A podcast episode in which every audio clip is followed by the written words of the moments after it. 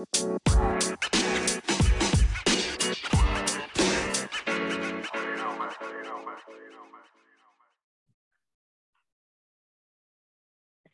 og velkommen til nok en episode av Jordbrukspodden. I dag har vi vært så heldige å fått med oss en spennende gjest som, på, som representerer SV på Stortinget. Um, Birgit, kan ikke du fortelle litt om deg sjøl og om den rolla du har i SV?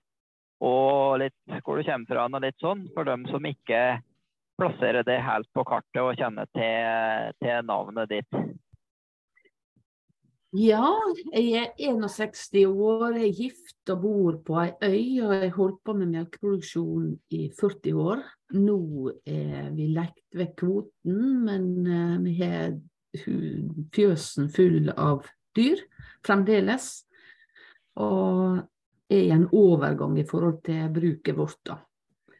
Men eh, jeg vært engasjert i landbrukspolitikk og landbruk i egentlig hele livet, helt fra jeg var seks år og gikk i fjøsen i lag med noen pensjonister på eh, Lepsøya der jeg vokste opp. Og jeg var med og strødde, han har sagt, eh, DDT-pulver på Saude, så, så lenge siden er det. Men eh, så i voksen alder jeg gifta meg på gard. Jeg var først avløser, forresten. Og gifta meg på, på en gard etterpå det.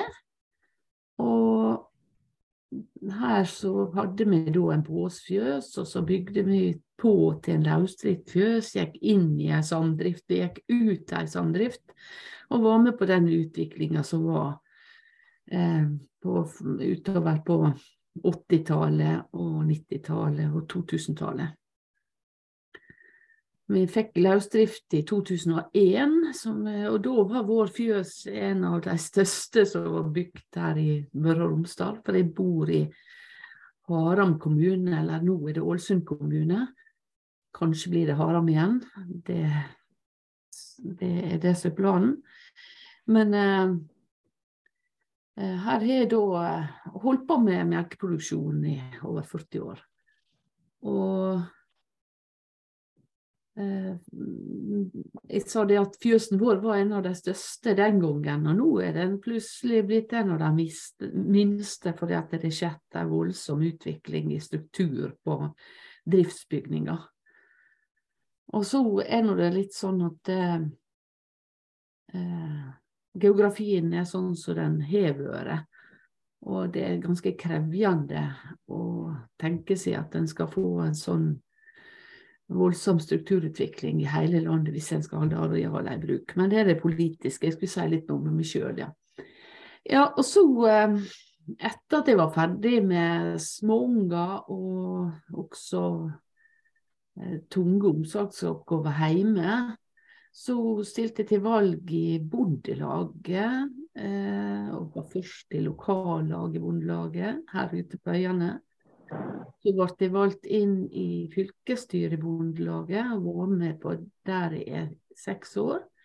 Så fikk jeg utfordring om å bli med som tillitsvalgt i Tine. Produsentlaget hadde jeg vært inne i hele tida, for så vidt, da, men var først inn i arbeidsutvalget i produsentlaget, og så i eh, stilte til valget som tillitsvalgt på regionalt nivå i Tine i 2012. Og ble med i Tine Vest sitt styre, og var med i, i denne her vedtektskomiteen som var nedsatt i 2015, og var med på hele omorganiseringa der av medlemsorganisasjonen utover på um, 2015, 2016 og Så, videre. uh, så, hadde, så jeg hadde hadde da åtte år i så regionalt tillitsvalgt i Tine. Det var veldig spennende reise, egentlig en forutsetning for at jeg, jeg, tenkte at jeg skulle bli politiker til slutt. Det, det hadde ikke jeg planlagt på noe vis, annet enn at når jeg var regionalt tillitsvalgt i Bondelaget, og seinere i Tine, og også var jeg innom Geno noen år, det må jeg heller ikke glemme. Det er nokså en spennende landbruksorganisasjon. Så i de åra så holdt jeg en veldig lav eh, politisk profil, fordi at jeg tenkte at i den rolla som jeg var, så var jeg mer med å lage møter for politikere enn å være politiker sjøl. Men så, eh, av ymse grunner, så eh, ville anna prosessen på gården her med at vi nærmer oss et generasjonsskifte uten å ha noen til å ta over så uh, fikk jeg utfordring om å engasjere meg mer politisk. Jeg var allerede med i Ålesund SV. Og så uh, kom spørsmålet opp da om jeg skulle stille til valg. Jeg hadde bak meg et par-tre år med intenst arbeid med ei energisak om utbygginga på Haramfjellet. Um, og var et, på et punkt i livet der jeg måtte gjøre noen endringer uansett. For å fortsette som bonde, det var litt uaktuelt for meg da pga. helsemessige ting. Og at eh, min mann, da, som hadde hovedansvaret for drifta, han ble, skulle bli pensjonist. Og dermed så enda jeg opp med at ok, kanskje jeg skal stille til valg. Og det enda opp med at jeg fikk førsteplassen på SVs liste i nominasjon til stortingsvalget. Og neste runde så fikk jeg nok stemme til å komme inn på Stortinget på utjamningsmandat. Så det har vært litt av ei reise for min del. Og så uh, har jeg nå med meg både landbruksbakgrunnen og og engasjementet mitt der, selv om jeg nå i Stortinget eh, sitter i energi- og miljøkomiteen og har ikke den nære kontakten med landbrukspolitikken, kan du si, den komiteen som, som eh, har mer med energi- og, og, og, miljøspørsmål å gjøre, da. Men jeg er nå i et parti som er opptatt av landbrukspolitikk også, og som hadde en viktig rolle har hatt en viktig rolle f.eks. på 70-tallet med å berge Furre og opptrappingsvedtak og alt dette her. Da var SV veldig viktige. Og nå er det Torgeir Knag Fylkesnes som sitter, nærings, sitter, i næringskomiteen og mest med jordbruksoppgjør og sånne ting å gjøre. Men, men eh, jeg prøver å henge med i svingene fremdeles, og, og ønsker egentlig å bidra til å få en, en, en god utvikling for landbruket. Særlig fordi at matsikkerhet og også hva skal jeg si, det, alt det som må støtte opp rundt en norsk matproduksjon, må være på plass hvis jeg skal få det til. Det er å bli en politisk næring. Ja, dette ble nå egentlig mye, da, men eh, Ja, det var jo en uh, fantastisk uh, lang CV. Og det er jo ingen tvil om at du har hatt og har et hjerte som brenner for for eh, distriktslandbruket. Det må vi jo kunne si. Eh, så det er veldig spennende å høre. Eh, vi pleier å utfordre litt gjestene når vi har med politikere, på å snakke litt om partiprogrammet for jordbruk som dere SV har. Og det er jo et sånn overordna, sånn som vi ser det, så er jo det veldig positivt og, og tydelig på landbruk. Men kan ikke du si litt om, om hva som hva SV vil med norsk jordbruk? Ja, SV, Det overordnede målet er at vi må holde arealene i drift. Og så må på en måte resten av politikk Sånn at en tar vare på matsikkerheten og får en bærekraftig økonomi i landbruket på alle typer størrelser og bruk. Og så vil vi ha et landbruk som er tilpassa gode dyrevelferdskrav og miljøkrav at det skal være mest mulig bærekraftig på alle vis. Og bærekraft det handler nå både om sosial bærekraft og dyrevelferd, og hvordan selve jordbruksdrifta virker på miljøet rundt landbruket. Så her er det mange ting. Så det er det overordna. Og så er det nå hva, hva er liksom grepa for å komme dit. Og det er klart at det, eh, jordbrukspolitikken vår er, er er der den er nå og må utvikles videre. Men konkret i budsjettet vårt nå, så har vi annet Eh, vil vi ha mer penger til Bionova, så er det verktøyet som landbruket kan bruke til å greie klimaomstillinga. Og for SV er klimapolitikken viktig, for eh, vi kommer ikke utenom det å, å, å, å kutte utslipp framover og få en bedre miljøavtrykk også for landbruket. Men så er det også løsdriftskravet, det å greie ombygging til løsdrift uten at du nødvendigvis må mangedoble produksjonen, viktig for SV. Så vi setter av penger, 200 millioner ekstra da, i forhold til det som regjeringa har, til å oppfylle løsdriftskravet. Så det var litt. Eh, så har dere jo det punktet med 50% selvforsyning, som jo også er kommet til uttrykk i Hurdalsplattformen. Og litt videre fra det, så er det en ting jeg syns er litt interessant, som jeg har merka meg med landbruksministeren sin uttalelse. Når hun har blitt utfordra på det her med selvforsyningsmålet og målet om jamstilling, så har hun peka på at ja, men vi er avhengig av støttepartiet også.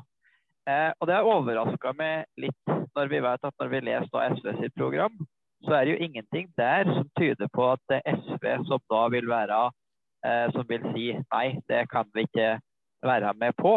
Eh, har du noen tanker rundt hvorfor det kommer sånne type uttalelser, og på en måte så litt splid om, om at man har nok støtte i Stortinget der, eller tror du det er misforstått de uttalelsene? Ja, nei, Det er nå et interessant spill som foregjenges mellom regjeringa og SV. Vi er på bikken og er på en måte veldig viktige for å få på plass ting. Men samtidig så føler jeg nok at regjeringspartiene abdiserer litt. da, Og på en måte eh, prøver å legge ansvaret for, på SV for ting som de sjøl har i sine egne politiske mål. Og at en på en måte ja, lager på en måte en, en, eh, et opplegg der det SV skal på en måte forhandle inn, forhandle inn deres egen politikk. Og det eh, Vi vil lenger enn det. Både på miljø og på selvforsyning. Så det, det, det er et merkelig spill som går for seg. Det er det. Men er det du sier da, hvis du tolker det sånn at at man på en måte prøver å eh, altså Det er jo sånn når du er et støtteparti, så har du jo da eh, Målet er jo å få inn mest mulig, selvfølgelig. Og så går det selvfølgelig en grense der på hvor mye man kan da pushe dem som sitter i regjering, før de eventuelt søker støtte til andre partier. Og Dere prøver sikkert å ligge på den grensa og få inn så mye som mulig. Men sier du da at regjeringa kanskje vil utnytte den eh, hva jeg si, altså det, Eh, at dere på en måte må gi fra dere annen politikk hvis dere vinner gjennom samme politikk som egentlig regjeringa har i sin plattform? Ja, det er litt sånn inntrykket mitt, da. At det, at det Ja. At jeg tar litt lite ansvar sjøl, for å si det sånn. Mm. Eh, da bringer vi oss inn på et litt interessant spørsmål. Du var jo innom det. Det er jo et statsbudsjett nå som er under eh, diskusjon. Eh, vi vet jo det at i den Hurdalsplattformen så står det jo det at man skal gjøre tollgrep. I praksis for norsk jordbruk så betyr jo det egentlig overgang til prosenttoll på mange produkter, og kanskje kronetall på krone, eh, kronetoll på noen produkter. Vi vet at i forrige statsbudsjett skjedde ingenting. Eh, det har ikke skjedd noe i mellomtida, og verken i det statsbudsjettet her. Eh, og det er jo noe man er enig om skal skje. Har du noen tanker rundt hvorfor har det ikke kommet noe konkret på det ennå? Og vi vet jo at det er en veldig viktig sak for landbruk, og nettopp det med selvforsyning skal få til det. Direkte tema, altså sånn kommentarer til selve pågående forhandlingene, det kan ikke jeg komme med nå. For det er på en måte et uh, viktig prinsipp. Uh, jeg ikke kan gå inn i det som skjer nå i konkrete forhandlingene. Men det er klart at det skal en, skal en greie å skape et inntektsgrunnlag for alle typer bruk i Norge, som ligger langt nord, og som til dels har helt andre eh, geografiske og klimatiske forhold til å drive under, så må man se på hele alle virkemidler for å oppnå ei lønnsomhet som er til å leve med, og dermed rekruttering til å drive gårdsbruka videre. Fordi det er, det er nå engang sånn at det, det vil være dyrere i Norge enn i Danmark f.eks. å produsere melk i, oppe i fjellbygd eller på vestlandsbruk. Og prosenttoll og de tollgrepene som kan gjøres, de, de må en eh, også se på, tenker jeg da. Uten at jeg skal uttale meg om at dette akkurat er en del av forhandlingene nå, så mener jeg at at eh, toll er et viktig tema å utnytte det handlingsrommet en kan ha. Og så er nå det altså det er noe veldig frustrerende at det en skal ha låst i WTO, eh, disse her størrelsene mellom disse ulike boksene og dette her. Det er klart at, at det handlingsrommet som er i tollvernet, har nå blitt oppspist av eh, og utviklinga siden 80-tallet. Så her, her, må gjøres noen nye, nye grep. og det som Jeg håper er at det her skal bli et internasjonalt klima for å gå vekk fra denne veldig markedsliberalistiske eh, systemet og over til noe som er mer ansvarlig, der land får et mer frihet til å, å prioritere egen selvforsyning framfor å, å slippe opp for eh, handel på varer som en har utgangspunkt for å produsere sjøl. Jeg vet ikke om det var rette svaret, men eh, jeg mener at toll er viktig inn i dette bildet her. fordi at det, vi greier ikke å konkurrere uten. Ja, Der er vi nok veldig på linje, både vi i redaksjonen og du, at det er viktig. Og så har vi full forståelse at du kan ikke kommentere hva som foregår for tida på akkurat det spørsmålet. Det skjønner vi. Eh, eh, det var kommet opp en litt interessant sak. Jeg husker ikke om det var Nibio eller Agri Analyse eller noe sånt, som hadde en rapport på det her med klimatiltak på norske gårdsbruk. Og Der viste det seg jo da at gårder med god økonomi de eh, gjorde mer klimatiltak. Og vi har jo påstått at uh, en forutsetning for at man liksom skal levere på den landbrukets klimaplan, er at man får til uh, den jamstillingsplanen. ser du liksom at det her henger litt i hop? At en bonde som har en sunn bedriftsøkonomi, har da muligheter til å gjennomføre klimatiltak? Ofte handler det jo om teknologiinvesteringer og, og, og miljøtiltak, som at du må liksom gjør en investering, ofte om det er solcelleanlegg eller biogass eller traktorer som bruker mindre drivstoff eller GPS eller, eller hva det nå er, liksom. Eh, ser du litt den, den sammenhengen der, eh, hvis man skal lykkes på begge eh, lykkes på det med klima, liksom? Absolutt. altså Klart det at det, altså uansett så må, altså vil et robust landbruk bety at en har et økonomisk handlingsrom. Og til mer pressa økonomien er, til verre er det å gjøre grep, og ha tid ikke minst til å gjøre de nødvendige tiltakene som en må gjøre. Så, så det er klart at, det, at å ha et, et, forsvarlig inntektsgrunnlag i bunnen, det er helt nødvendig skal en kunne greie å møte utfordringene. Og så er nå det det at altså, et villere og våtere klima, som er med både med oftere episoder med tørke, og oftere flaum. Så det er klart det at her må en ha må en legge opp til et mer eh, økonomisk eh, buffer rett og slett i næringa, skal en kunne ivareta det samfunnspolitiske målet om selvforsyning. Enda et sånt spørsmål og parallell i forhold til det med selvforsyning. Eh, det som er jo viktig for bonden, er jo det her med bytteforholdet. altså for å produsere mest mulig mat på norske ressurser, så er det viktig at det er et sunt forhold mellom de kostnadene som det er å produsere det produktet, og, og, og da prisen du får på det. Og nå er vi jo kommet i en situasjon der vi har veldig stigning på innsatsfaktorer. Og så får vi en del tilskudd som er litt mer flat. Og årets jordbruksoppgjør gjør jo egentlig ikke noe stimulerende tiltak mot selvforsyning sånn sett. Hva tenker du om det, den, å utnytte den, altså at det må være lønnsomt for bonden å dyrke jorda best mulig?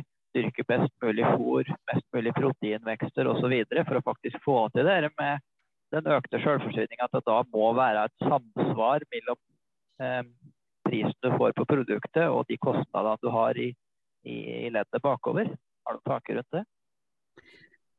Ja, altså det må henge i hop. Det skal det gå. Altså For det er klart at det, en kan ikke drive landbruket på dugnad heller. Og, og, så er det Altså En må på en måte snu alle steiner skal en komme noen vei med det. Og jeg husker da når for, altså da Stoltenberg-regjeringa la fram den eh, landbruksmeldinga si, så gikk jeg dukka litt dypt ned i disse her eh, klimatilpasnings eh, grepa som var skissert i den meldinga. Så gikk jeg bak i rapporten bakom det, altså det som landbruksmeldinga bygde på, og så på hva rapport som var laga her. Og da fant jeg ut at det, det utvalget som lager den klimatilpasningsrapporten, som eh, eh, presiserte at de hadde ikke gått inn i vurderingene om at det var tilstrekkelig med de ordningene vi hadde i dag for å møte eh, utfordringer med klima. Likevel så var det, noen små setninger i landbruksmeldinga om at ja, nei, her var det sånn at det er fordi en kunne regne med høy, altså kunne få mer produksjon pga. høyere temperatur, så vil og, og det ville være lønnsomt å gjøre de nødvendige agronomiske tiltakene med drenering osv. Så, videre, eh, så vil den lønnsomheten i bedre agronomi kunne kompensere for eh, de økte utgiftene som vil komme pga. klimaendringene. Men der var det et sprik rett og slett mellom hva eh, utvalget har sett på, og den konklusjonen som var i landbruksmeldinga. Så her, her, tenker jeg at det, en, eh, en, må gå inn og se skikkelig på dette her i lys av ny, ny situasjon med klimaendring og de utfordringene som er der, for å rett og slett eh, se om at eh, det systemet rigger godt nok for at en skal kunne greie å gjøre det en må gjøre for å kunne produsere mer bærekraftig. Og mer av, sine egen, mer av protein og, og mer eh, eh, Bedre avling på arealet. Her er vi, vi holdt på, altså sånn som jeg ser det iallfall, så hviler vi enda på det som var gjort på 70-tallet når det gjelder dreneringstiltak og, og og grøfting og alt dette her. Og med de nedbørsmengdene som kommer nå, så eh, jeg har et kjempestort etterslep på investering på jord, rett og slett, tenker jeg da. Jeg vet ikke om det var svar på spørsmålet, men det var iallfall litt innblikk i hva jeg. Det var et uh, godt svar. Jeg synes det er interessant at du drar opp det med landbruksmeldinger.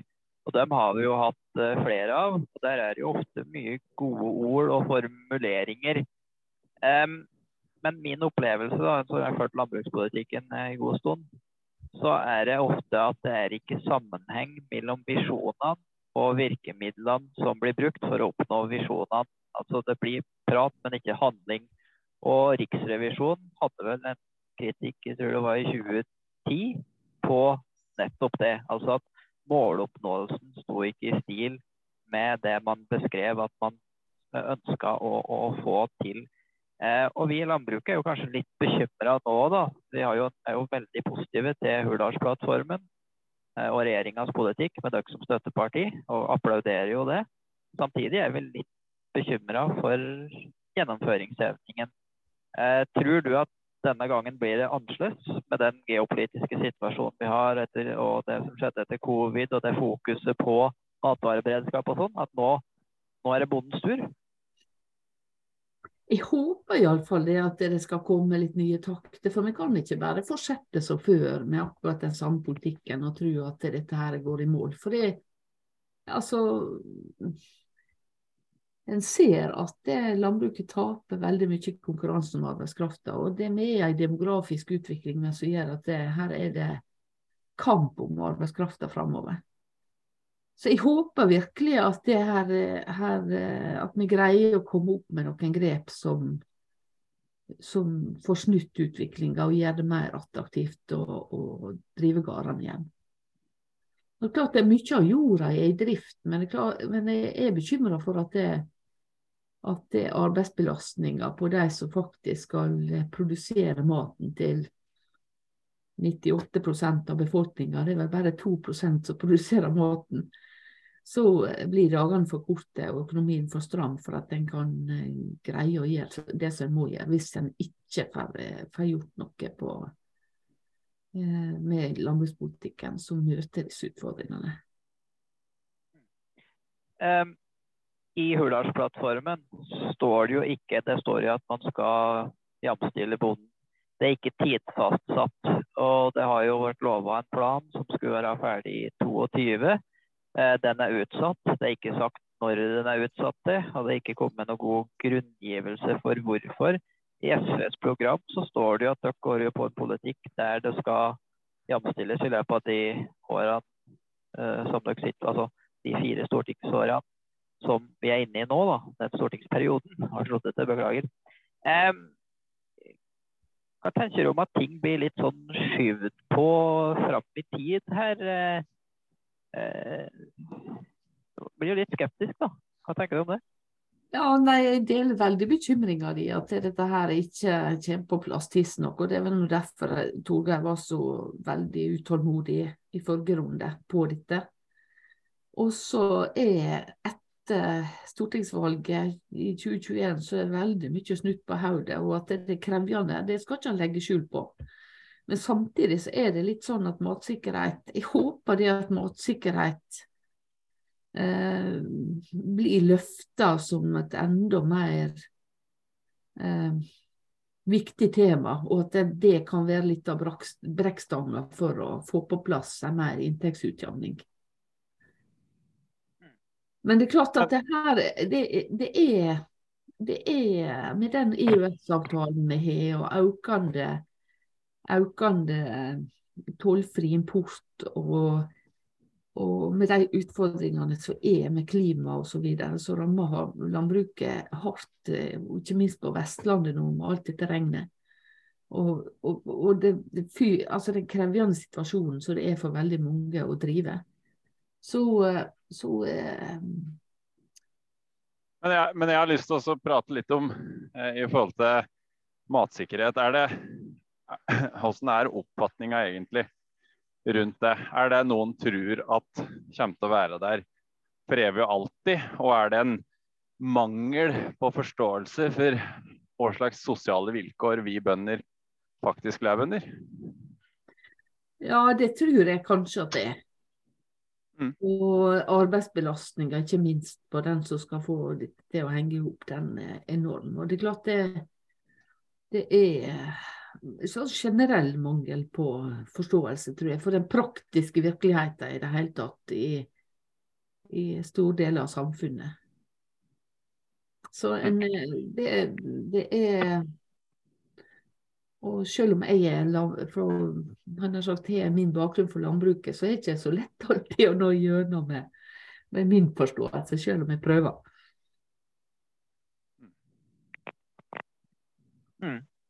Eh, eh, vi mener jo det at sånn som eh, avtaleinstituttet fungerer nå, da, kan du si, så, så, lager man jo rammevilkår basert på hva man tror bonden har eh, i lønn, og ikke basert på hva man ønsker med norsk jordbruk. Altså, du setter ikke opp en kostnadskalkyle. For, eksempel, for å nå 50 selvforsyning, eh, og så på en måte bevilge midler etter det. Du ser på hva er det bonden har i inntekt, så ser du på hva et eventuelt gap er opp til andre grupper, snittlønna i Norge, om det gapet skal tettes, eller om det skal ha prosentutvikling eller kronemessig utvikling osv.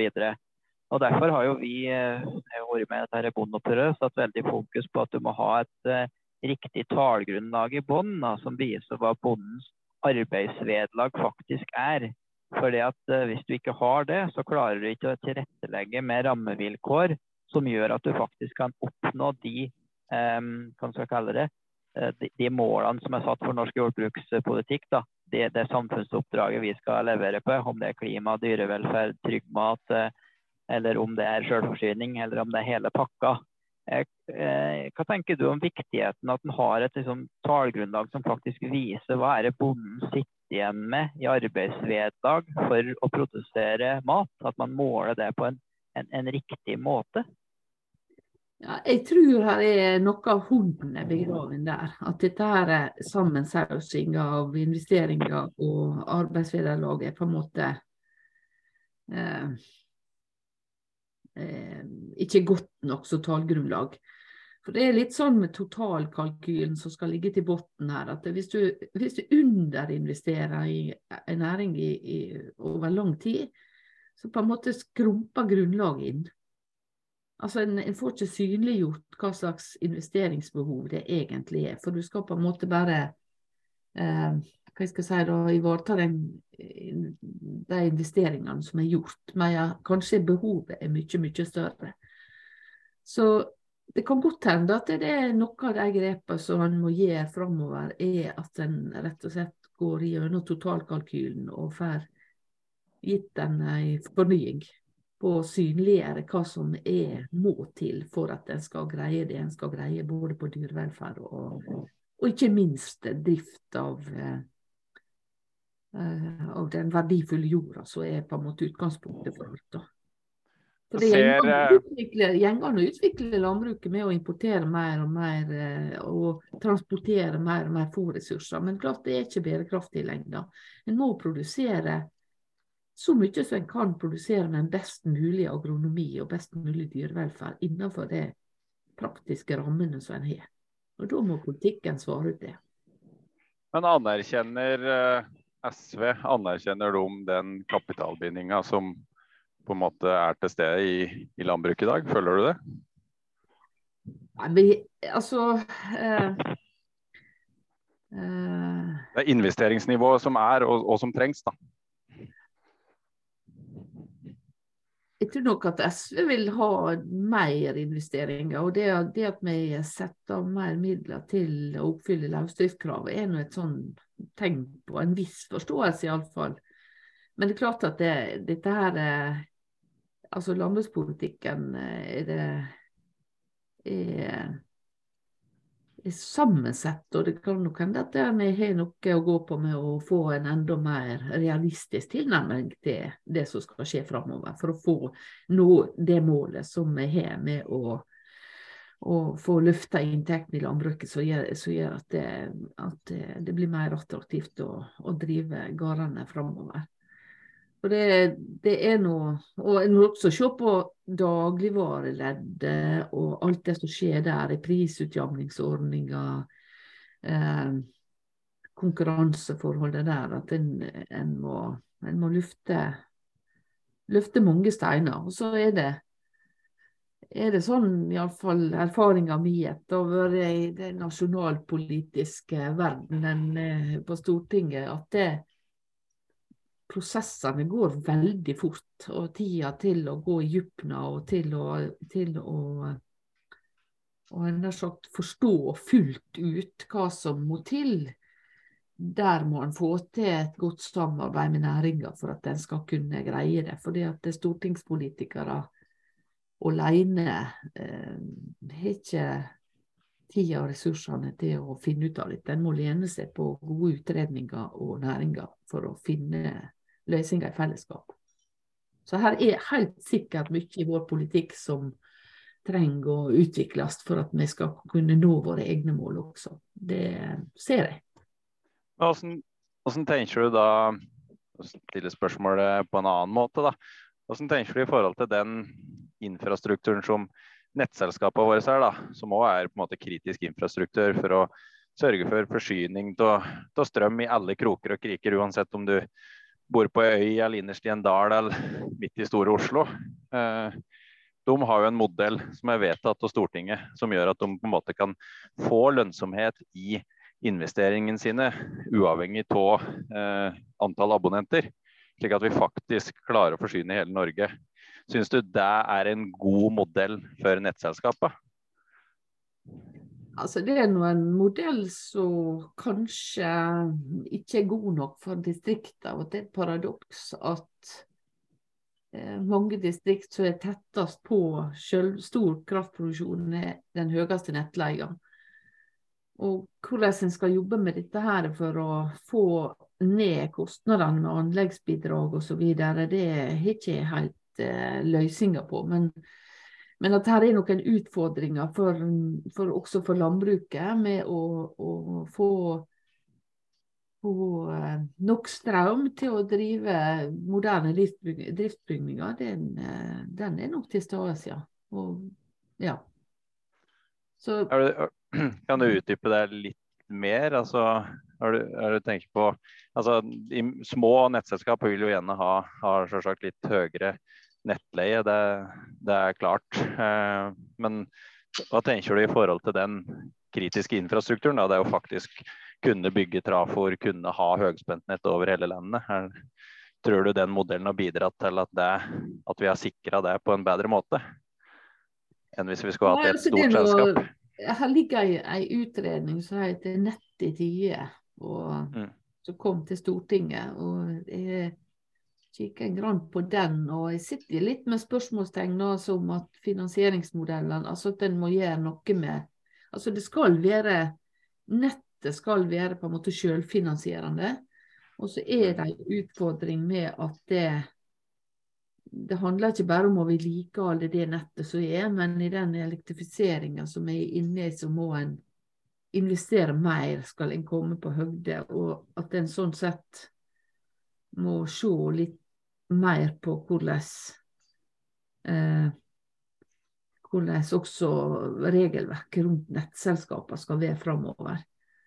Og så er det, er det et veldig problem at det eh, nettleia stiger fordi at det, prisen på strøm stiger. Altså tap i nettet blir finansiert av nettselskapene. Og når mm. du har sånne situasjoner som en har hatt nå, der strømprisen stiger veldig, så øker også nettleia i takt med det. Mm. Her, er, her, er, mye som spiller inn her, da, men, det, men det er klart at, det, at landbruket var noe eh, altså var nå med og fikk på plass strømstøtte til landbruket. Mm. Fordi at det landbruket er så viktig for, for, for, for å sikre norsk matproduksjon. Mm.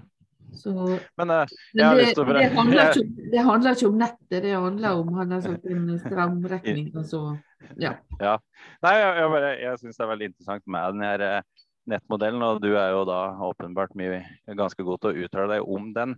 Eh, tenker du da at kanskje den effektivitetsakkorden da, som ligger inne, kanskje er for drøy for de minste selskapene? Er det litt i den retning du tenker, eller er det jeg er ikke ferdig å tenke på dette her.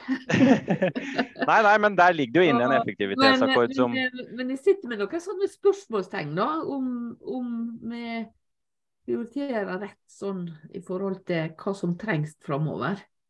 Mm. Og er litt bekymra for at eh, tilknytningen til ACER og, og, de reguleringene gjennom RME eh, mm. legger mer til rette for å få vekk flaskehalser som, og dermed øke eksporten og, og mm.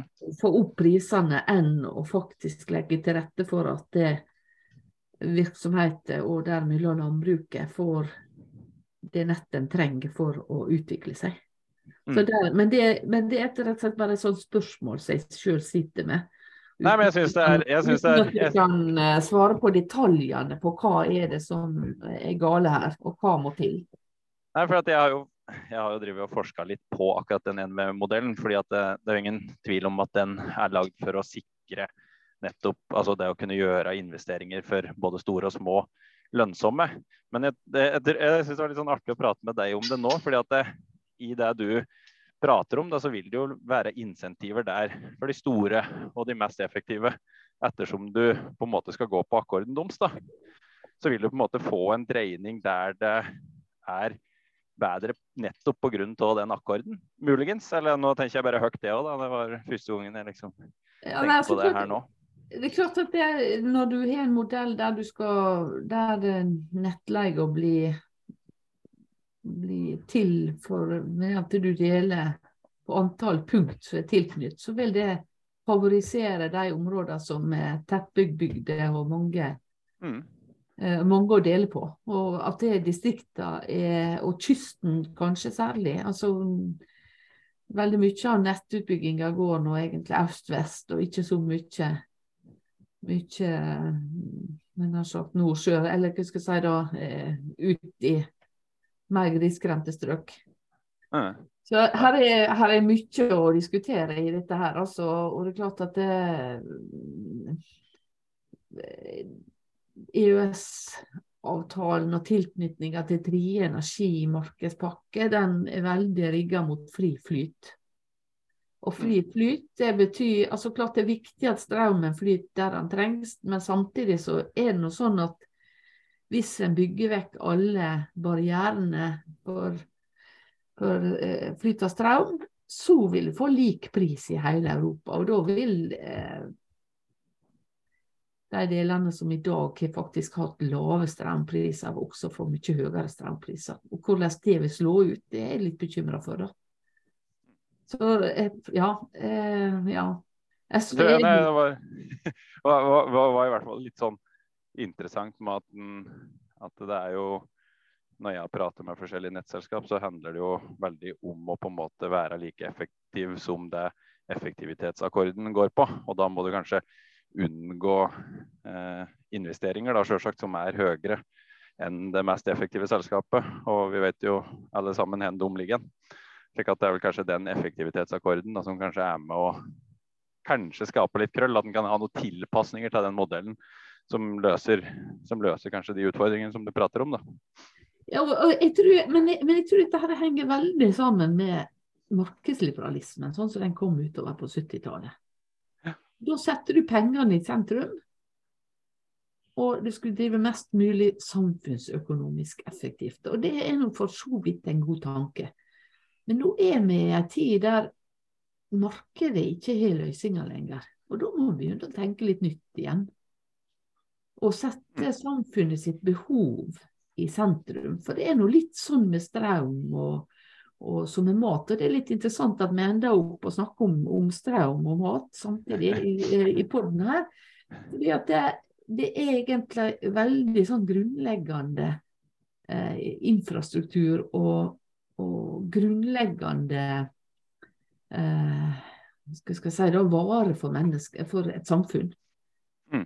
Og så er det litt sånn at det, det markedssystemet som vi har nå, enten du snakker om mat eller du snakker om strøm, det er at det, det blir ikke billigere og billigere å produsere dette her til, til, til mer du produserer, egentlig. Fordi at du må ta i, altså De store elvene er utbygd, og de store på en måte systemet er utbygd, men man skal på en måte eh, ivareta samfunnet sitt behov framover, så, så må en opp i bakkene når det gjelder landbruk, og en må inn i de kanskje mindre lønnsomme eh, tiltakene enn de store kraftreguleringene for å nå tak i strømmen også. Og Det handler om at eh, bonden kanskje At en må få gode opplegg for at bonden kan få montere solcellepanel og produsere mer av sin egen strøm. og at en, en, en, en ikke bare tenker altså strengt markedsøkonomisk. En skal tenke effektivitet på bruk av ressursene, men når markedet ikke løser et problem, så må man finne andre løsninger. Og Det handler om at en bruker politikk for å sikre at en f.eks. får bygd ut eh, nødvendig strøminfrastruktur for at landbruket skal kunne kunne fase ut fossil energi, f.eks. Og så er det én vesentlig forskjell da, på landbruk og nettselskapene som vi må minne lyttere på. og det er jo at det, På reguleringsmodellen for nettselskapene så, er, så regulerer vi jo kostnadssida. Altså det er den vi prøver å gjøre mest mulig effektiv. Eh, mens i landbruket så har vi en regulering av inntektssida, og så har vi en markedssituasjon på utgiftssida. Slik at eh, det er jo som du prater om her nå, strømnettselskapet strømnettselskapene de har tilgang på denne her, eh, merinntekta på, på inntektssida som, som, du ikke får til i, i landbruket. da, Slik at uh, folk har med seg det i bakhugget. ja, ja, ja. Det blir fort, det blir, jeg kommer fort litt på vidden i forhold til disse tekniske tingene der. Men, ja. men, hovedpoenget mitt var at det markedet har ikke alltid løsninger, og det begynner samfunnet å forstå. Og Derfor Derfor må en tørre å bruke mer politikk for å løse det som en skal løse. Mm. Uh, samtidig som en har med seg den, altså at den en, en ikke skal på en måte glemme markedskreftene eller markedseffektene heller. Hvis en, hvis en, på en måte går ut og, og, bruker enormt mye penger på politisk, så kan en risikere at det bare blir inflasjonsdrivende. Så en må være veldig sånn nøye på hvordan en innretter ting, slik at en, en uh, oppnår det en vil, da, ikke bare får en, får en uh, et svinn av økonomiske ressurser i en type inflasjon. da. det er vel det som egentlig er bra på det er det som kanskje mangler på inntektssida til, til nettselskapene, som du sier. Men samtidig så har de en veldig fin eh, kostnadsregulering som faktisk følger eh, markedskreften. For det er, jo, det, er jo, to sider selvsagt, av de markedskreftene. Og da er det jo Gir det vesentlig hjelp eh, når eh, innsatsfaktorer blir så mye dyrere som de, som de har vært nå, selvsagt. Men nå skal ikke jeg dra de nettselskapene ut i det vide og det brede, Ola. Så, jeg, jeg, kan prøve å, å komplisere litt. Ja. Ja, for det, det som er litt eh, viktig her nå, det er den prosessen jordbruket er inne i nå. Um, så står vi jo inne i et spørsmål hvordan vi skal måle inntekta til bonden. Og så har Stortinget sagt at man skal sammenligne jordbrukerens inntekt med, nei, med, med lønnsmottakeren. Og så vet vi det at eh, jordbrukeren er selvstendig næringsdrivende og har en blanding av kapitalinnsats og arbeidsinnsats. Og så vet vi nå at vi har et VEAK-resultatmål der det her blir sausa sammen. Og det er det mange som har kritisert, for det synliggjør ikke hva bonden har igjen per time når han produserer mat som arbeidsvederlag. Og ergo kan du ikke sammenligne VEAK med eh, lønnsmottakeren. Og hvis man framskriver det her, så vet man at i, om en 20 år fram i tid, så er to tredeler av VEAK faktisk bare avkastning på den innsatte kapitalen. Eh, og ergo blir det her verre for hvert år. Og Grunnen til at vi snakker om NVE, da, det er jo et spørsmål her om å skille ut den kapitalen som er innsatt i landbruket, og gi den en forrentning, akkurat som man i andre utgifter i sektoren jordbruk, når man setter opp da regnskapet i totalkalkylen. Hva er utgiftene og hva er inntektene? Så må man synliggjøre kapitalutgiftene. Og NVE-modellen gjør jo det ganske greit ved å regulere både oppside, altså du setter et maksnivå, og du legger rammevilkårene til rette for at det skal være mulig å oppnå den avkastninga på kapitalen som gjør at det faktisk er da lønnsomt å investere i den infrastrukturen. Og du sier det jo veldig godt Det er en grunnleggende infrastruktur å levere strøm ut i distriktene. Og vi mener jo at det er en grunnleggende infrastruktur og samfunnsansvar å produsere mat over hele Norge. Og det er da vi tar til orde for at man ikke følger modellen slavisk, men at man følger modellen i forhold til at man sier det her er et avkastningsnivå som det bør være mulig å oppnå på den innsatte kapitalen for jordbrukere. Og så legger man rammevilkårene til rette, sånn at man treffer noenlunde på det sånn at det faktisk er lønnsomt for bonden å investere i matproduksjon. Og vi mener at det er helt vesentlig hvis man skal ha rekruttering framover. Altså hvis du står ved et alternativ og selger leiligheten i Oslo, så tar du et egenkapital på to millioner eller én million eller hva det er, og så putter du den i matproduksjon, så får du null avkastning.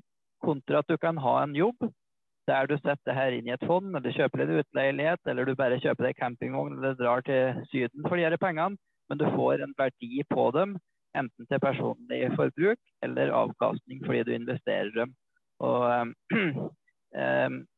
det er der vi drar den parallellen til NVE, da, med at man kunne lagt seg på samme avkastningsnivå, siden det er så mange paralleller.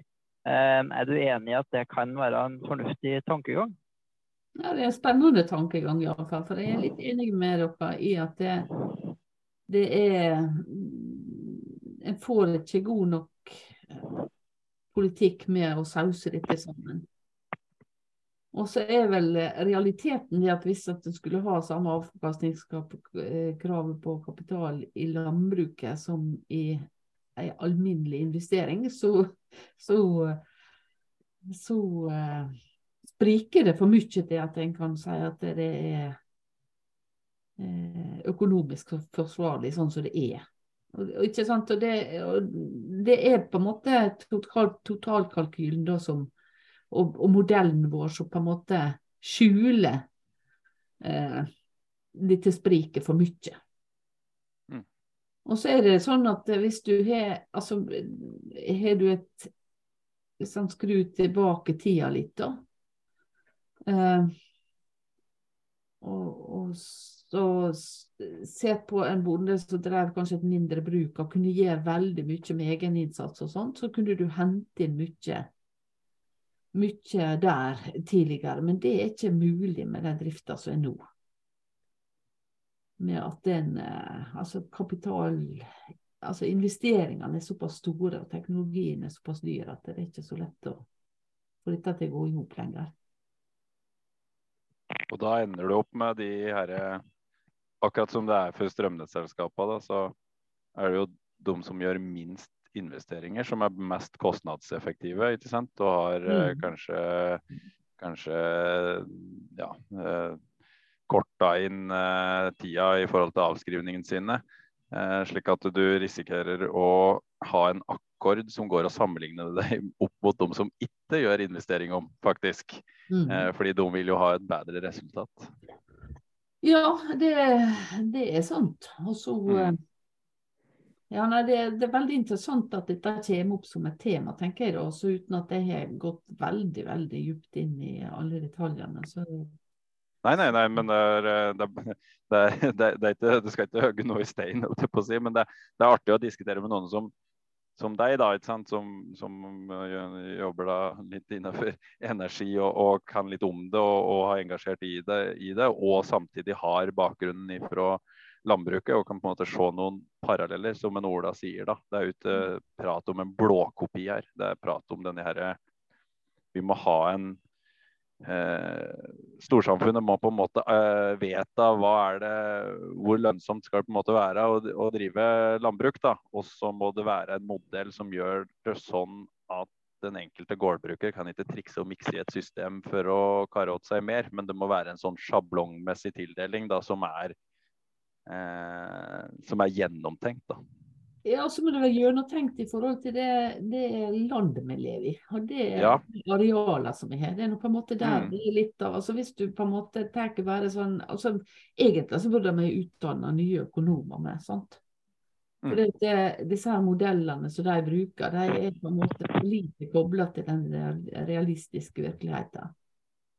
Mm, mm. For det, det, er Altså, landet er ikke flatt, og det er ikke Altså, du må ha en eh, Du må ha en jordbrukspolitikk som er tilpassa hvis, hvis en mål er at en skal øke selvforsyningsgraden, og hvis en skal produsere mest mulig på, på nasjonale jordbruksressurser og arealressurser, så må en ha en, en, eh, en jordbrukspolitikk som svarer ut det. Mm. Og, det, og, det, og, og, da er kapital en, eh, altså det å se på totalkalkylen der og investeringer, og hvordan en greier å skape Gjøre gjør det forsvarlig i mm. forhold til balansen mellom arbeidsvederlag og, og, og, det å forsvare kapitalen.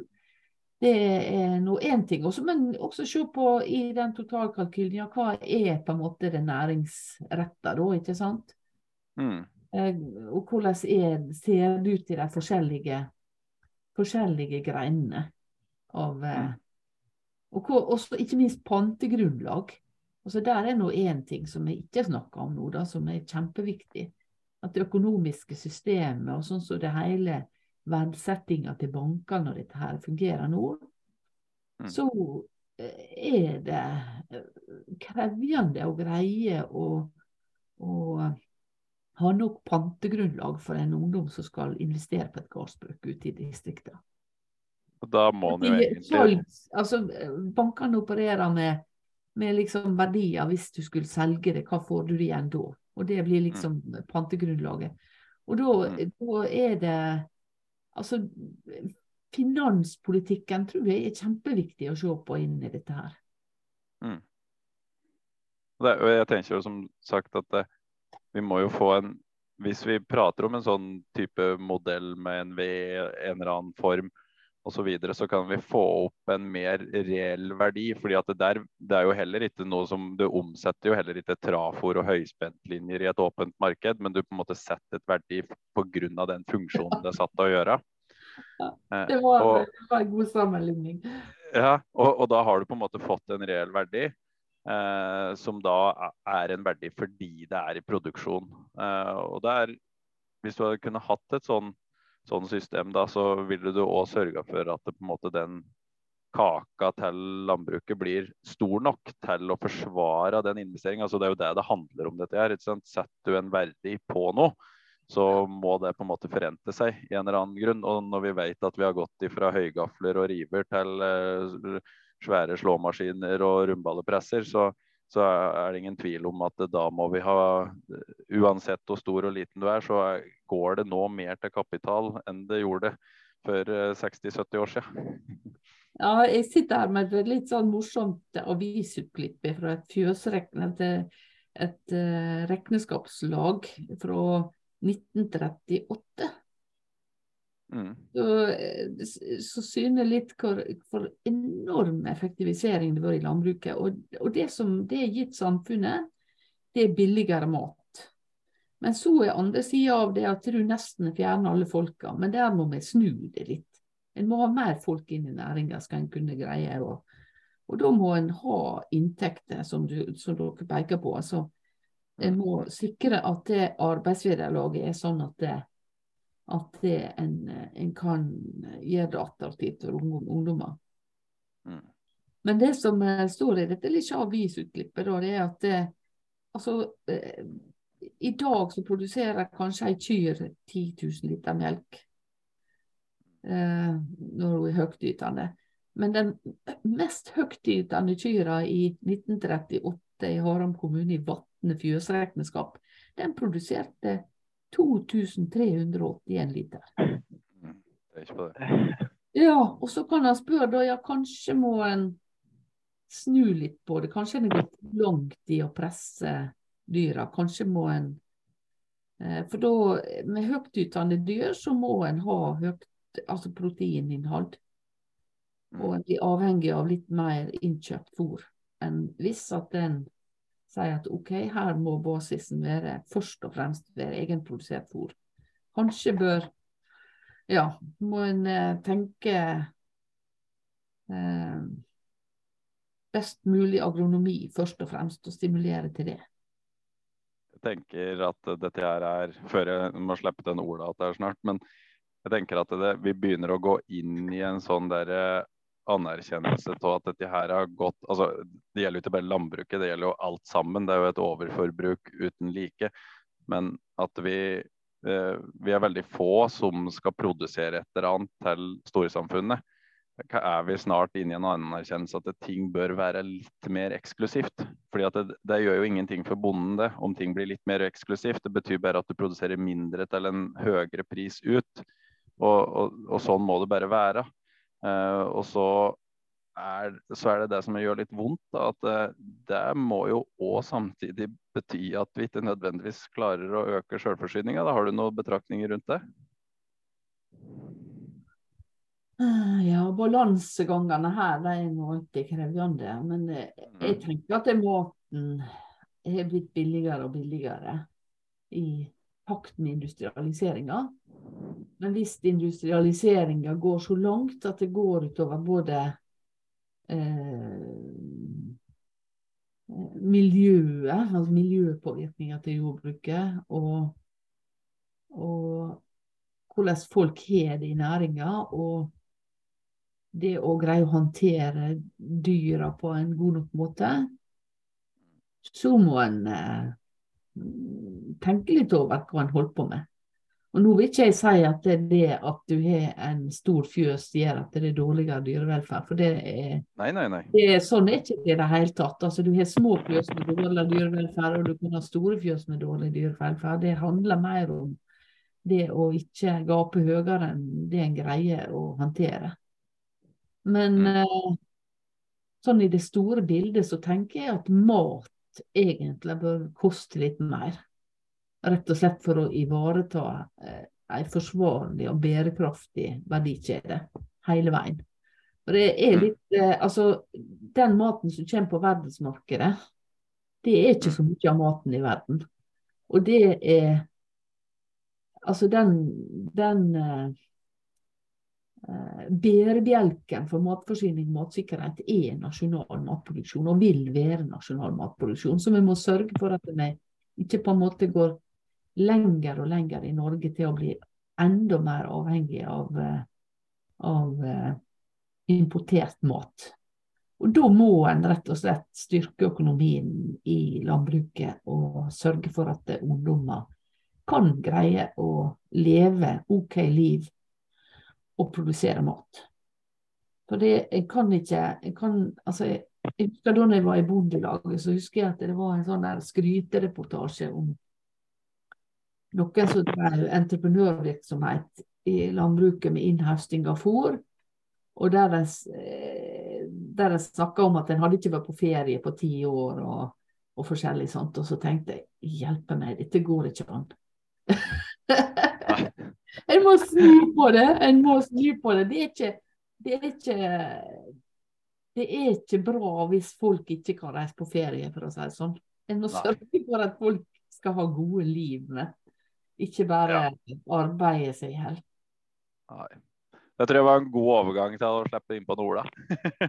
ja. ja, nei, nå Tida går fort, her, så vi må snart avrunde. Jeg har bare et par eh, spørsmål til som jeg bruker å, som jeg bruker å ta opp. Og, altså, du nevner jo Bionova. Det er vel 20 millioner som er avsatt? eller det. Og så, og så vet vi det at vi har 12 eh, milliarder på oljefondet. Og så vet vi det at vi skal omstille oss og vi skal skape nye grønn næring osv eh, går det ikke an å tenke litt mer offensivt i forhold til sånne ting, og ikke bare tenke at det er inflasjonsdrivende å satse på det her med bioteknologi, ikke bioteknologi, men altså innenfor de grønne næringene. Og bare satse litt skikkelig og gønne litt på. Gjør som man gjorde når man bygde Bergensbanen og sveia hele statsbudsjettet. Altså, eh, hvorfor satser vi ikke litt skikkelig når vi først skal gjøre noe? Ja, og det rare når det, når det gjelder oljeskattepakka, så er det ikke mye snakk om at det er inflasjonsdrivende, men det er jo den som er virkelig skummel for Norge. da. Nei, jeg er helt enig med deg at en må nyansere det. En må faktisk tenke hva er det vi skal gjøre mer av, og så må seg skikkelig der. For det, det er Altså, vi skal kutte 50% av klimagassutslippene, og vi skal bli mer ressurseffektive. Altså, vi må ha en mer sirkulær økonomi. Og et av de få næringene som er, litt, som er skikkelig sirkulære, er nå landbruket. Og da må en kunne skille mellom hva som er på en måte framtidsretta, og det som en vet må bli både dyrere og, og, og det som vi skal holde på mindre med, mener jeg. Så jeg er helt, jeg er helt med, på, med, på, den tankegangen. en, en, Og særlig på det som handler om fotosyntese, som landbruk handler om så må en kunne tenke mer offensivt. Og ja, så må heller stramme inn på andre ting. Mm. Og så Avsluttende spørsmål som vi pleier å ha med. Vi, vi maser jo mye om dette tallgrunnlaget, men vi mener det er viktig fordi det definerer litt hvordan man skal se på landbruket framover i tid. Og Vi er jo veldig opptatt av rekruttering. Skal du få til selvforsyning, skal du få til levende bygder, så må du ha rekruttering. Og Vi vet at bønder slutter. Og vi vet at nye bønder og nye generasjonen har litt andre verdier. altså De ønsker å ha litt mer fritid, de ønsker å ha mer fleksibilitet. og vi vet Som bonde så har du, på, har du en vaktstilling rett og slett 24-7. Du har et ansvar for dyrene sjøl når du har fri. så Du må være på telefon, du har roboter som ringer om natta, kalvinger. altså Alle de her elementene som du kjenner godt til, som eh, har vært i melkebonden over lang tid. Og så er det sånn at I dag så sier man jo at det er en så fordel å være bonde fordi at du slipper å reise på jobb. Eh, mhm. at bonden skal jobbe 95 timer mer per årsverk. Mens vi mener det at her er helt omvendt. Her har du faktisk såpass mange ulemper. Og det leser vi rett og slett av statistikken i forhold til at ungdommer tar ikke over gårdene i den grad de gjorde før. Vi får færre og færre gårdbrukere, og vi får eldre og eldre gårdbrukere. Og vi mener jo det at da må du sammenligne et årsverk i jordbruket med skiftarbeideren, fordi du har den vaktfunksjonen, du har ugunstige arbeidstider, du har helgejobbing året rundt, du har røddager osv. Er du enig i den påstanden at det vil være et mer naturlig sammenligningsgrunnlag? Ja, det er absolutt. For jeg tror noe av største ulempa, særlig for eh, husdyrholdet, da, som er kanskje det som er mest krevende sånt fordi det gjenger, der er liksom ikke noe Altså, eh, dyra blir syke hele året. Du, må, du har vakt 24-7 hele året. Så jeg er helt enig i at en må gjøre noe på den sida, for det er Altså, avløserordninga og sånt, det fungerte for så vidt eh, noenlunde på meierbruka var mindre. Og så er det samdrifter der du kanskje kan få en intern avløsning. Men det, det, som skjer når du lager større regninger, det er at du mister såpass mye tilskudd at det er akkorden for den som skal jobbe der, blir større. Og jeg tenker sånn, Hvis en skal kunne greie å både ivareta altså menneskevelferd og dyrevelferd, så må, må en eh, ta noen grep her, altså. For det, det er da, da. Bonden må også kunne ivareta seg sjøl og sitt nettverk og sin helse, ikke bare jobbe. Det syns jeg var en veldig eh, god avslutning. Da tror jeg vi lar du få ha siste ordene på akkurat det. Og så sier vi tusen hjertelig takk for at du var med oss, og kanskje ved en senere anledning at vi kan invitere deg igjen hvis du er interessert i det. Ja, takk. Det var kjekt å bli spurt. Og så er sikkert eh, delt mye uferdige tanker med her, ikke bare ferdig politikk. Så det, her må en få til ting i lag framover, tenker jeg skal løse de store utfordringene som er der. Ha det bra. Hei, hei. Hei, hei, ja.